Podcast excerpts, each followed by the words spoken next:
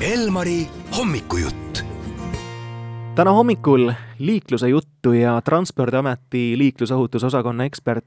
Eve-Mai Valdna on meil täna vestluskaaslane. tere ilusat hommikut teile, Eve-Mai! tere hommikut! tundub, et me oleme jõudnud aasta peaaegu et kõige pimedamasse aega. õhtud on pikad, ka hommikud on pimedad, hämarad ja ei ole veel lumevalgust ka. Eve-Mai, kui oluline on ennast äh, muuta liikluses nähtavaks? jaa, tõesti, elame ju sellisel laiuskraadil, et on palju pimedat aega ja nüüd praegu Eestile ongi kätte jõudnud see kõige-kõige pimedam aeg, kui ei ole veel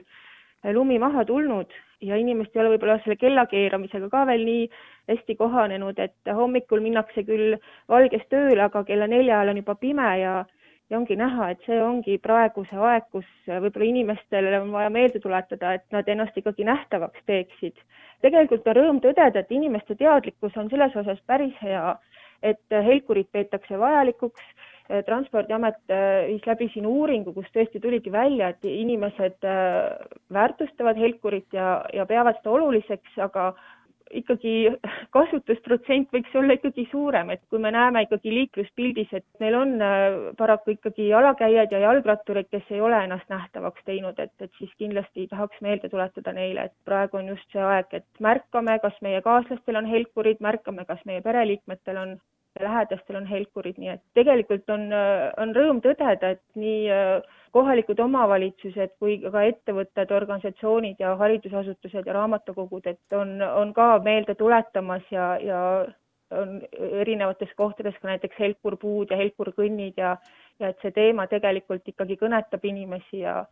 ja on meil ju väga palju võimalusi ennast nähtavaks teha, et kui me võrdleme äh, veel paarikümne aasta tagust aega, kus äh, võib-olla ei olnud nii suurt valikut äh, neid vahendeid ja, ja, ja oli ka liikvel võib-olla selliseid ebakvaliteetseid helkureid, et siis, siis tänasel päeval tõesti igaüks peaks leidma endale sellise sobiva ja toreda vahendi, et ennast nähtavaks teha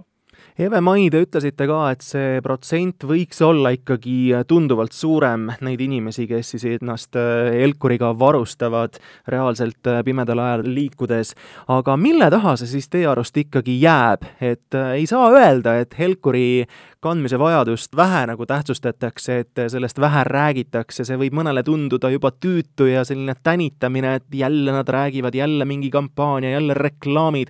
jälle intervjuud, aga miks siis inimesed ise nagu ei hooli sellest, et ennast nähtavaks muuta helkuriga? ja me tegelikult uuringus seda ka küsisime, et, et miks inimesed siis ei, ei, ei kasuta helkurit ja tegelikult toodi väga palju välja ka seda, et et unustatakse ja ka laiskust isegi nimetati. Võib-olla ka seda toodi jah välja, et helkurid kipuvad ära kaduma, et see kinnitus äh, võib-olla ei ole kõige parem lahendus ja, ja jah, enamjaolt öeldigi ka seda võib-olla, et ma olen linnas ja ei liigu nii palju jalgsi, et vastused olid erinevad, erinevad põhjused. Mis selles maailmas uuenduslikku on, sellist väikest toredat armast abilist nagu helkur me kõik juba teame, aga millised on uued variandid ennast eh, nähtavaks muuta, millele me võiksime veel edaspidi mõelda? ja võib-olla soovitus, et kui inimene tõesti on ostmas endale riideid, näiteks ka spordiriideid ja kui on valida, kas tooted, millel on mingi helkur materjal küljes või mitte küljes, et siis pigem ikkagi valida seda, mis aitab ennast nähtavaks teha, et meil on tõesti erinevad jalaõnud, erinevad noh, alates siis vihmavarjudest, kummikutest, kottidest, et me võime täitsa rääkida juba ka helkurmoest, sest noh, näha on, et, et sellel aastal just eriti paistab minu arvates silma rohkem ka selliseid helkurpoekotte, mis on väga tore näha, et ma ise igapäevaselt autoroolis olles ka märkan, et päris vahvaid asju on inimesed hakanud kasutama ja, ja ka lemmikloomadel näiteks on ju väga vahvaid erinevaid vahendeid, mida saab kasutada ja ja väga palju on meil ju koeraomanikke minu arust just viimastel aastatel tulnud, et kui lemmikloomaga jalutamine, siis tasuks mõelda, et, et ka nemad nähtavaks teha aga rääkige, Eve-Mai endast, et millist helkurit teie kannate ja kas see on üks ja ainus selline armas helkur, mida te siis vahetate vastavalt jopele, et kui panete mõne muu kuue peale, et siis võtate selle helkuri, riputate lihtsalt teise jaki külge või jope külge? jaa, et minul on tõesti see traditsiooniline rippuv helkur ja päeva ajal saab ilusti selle taskusse panna ja siis õhtusel ajal jalutama minnes äh, on hea välja võtta. Ja sportima minnes äh, pigem siis on jah, on sellised äh, vilkuritega või ka sellised vrapphelkurid, mille saab siis näiteks käe ümber panna, et neid kasutan ja, ja tegelikult äh, olen isegi jah, siin avastanud vahvaid aksessuaare, selliseid ehteid, et noh, nendest muidugi ei piisa, et aga siis võiks nagu ikka üks standardile vastav helkur ka veel olla küljes, aga öeldakse, et mida rohkem, seda parem, et ikkagi erinevaid vahendeid kasutada, et olla ikkagi igalt poolt nähtav. Et see on nagu see sõnum. aga kui mul on ikka täiesti must tont ja ma satun näiteks äh, politseinikuga ühele teele või tänavale,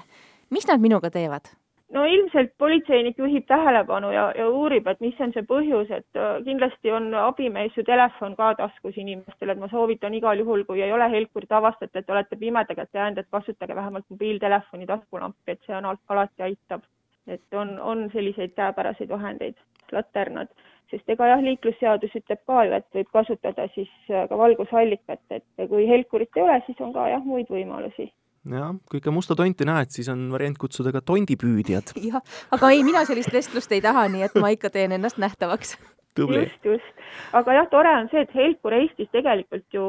tähistamas kolmekümnendat juubelit. esimene jaanuar üheksakümmend kolm oli see aasta siis, kus hakkas kehtima uus liikluseeskiri tolleaegse sõnastusega, et halva nähtavuse korral või pimeda ajal valgustamata asulavälisel teel peab jalakäija kasutama laternat või helkurit, et äh, see on juba jah, kolmkümmend aastat tagasi. et Eesti on selles mõttes väga pika helkuri kasutamise ajalooga ja, ja juba kaheksakümnendatel meil oma tootja ju Salvo oli, nii et, et inimesed tegelikult on, on saanud helkurit kasutada juba päris pikalt ja kui me räägime maailma ajaloost, faktidest helkuri kohta, siis helkur tähistab nüüd järgmine aasta üheksakümnendat sünnipäeva. Et, et see on ka päris huvitav fakt jah, et tuhat üheksasada kolmkümmend neli siis äh, Inglismaal üks lihtne teetööline avastas siis, et äh, pimedal ajal valgustamata teel, äh, kuidas kassi silmad pimeduses vastu helkisid ja, ja sealt see helkur siis alguse sai väga põnev fakt teada. Evemoi Valdna, aitäh teile ja loodetavasti saame nüüd pärast meie jutuajamist rohkem helkuri kandjaid. loodame ja ohutut liiklemist kõigile!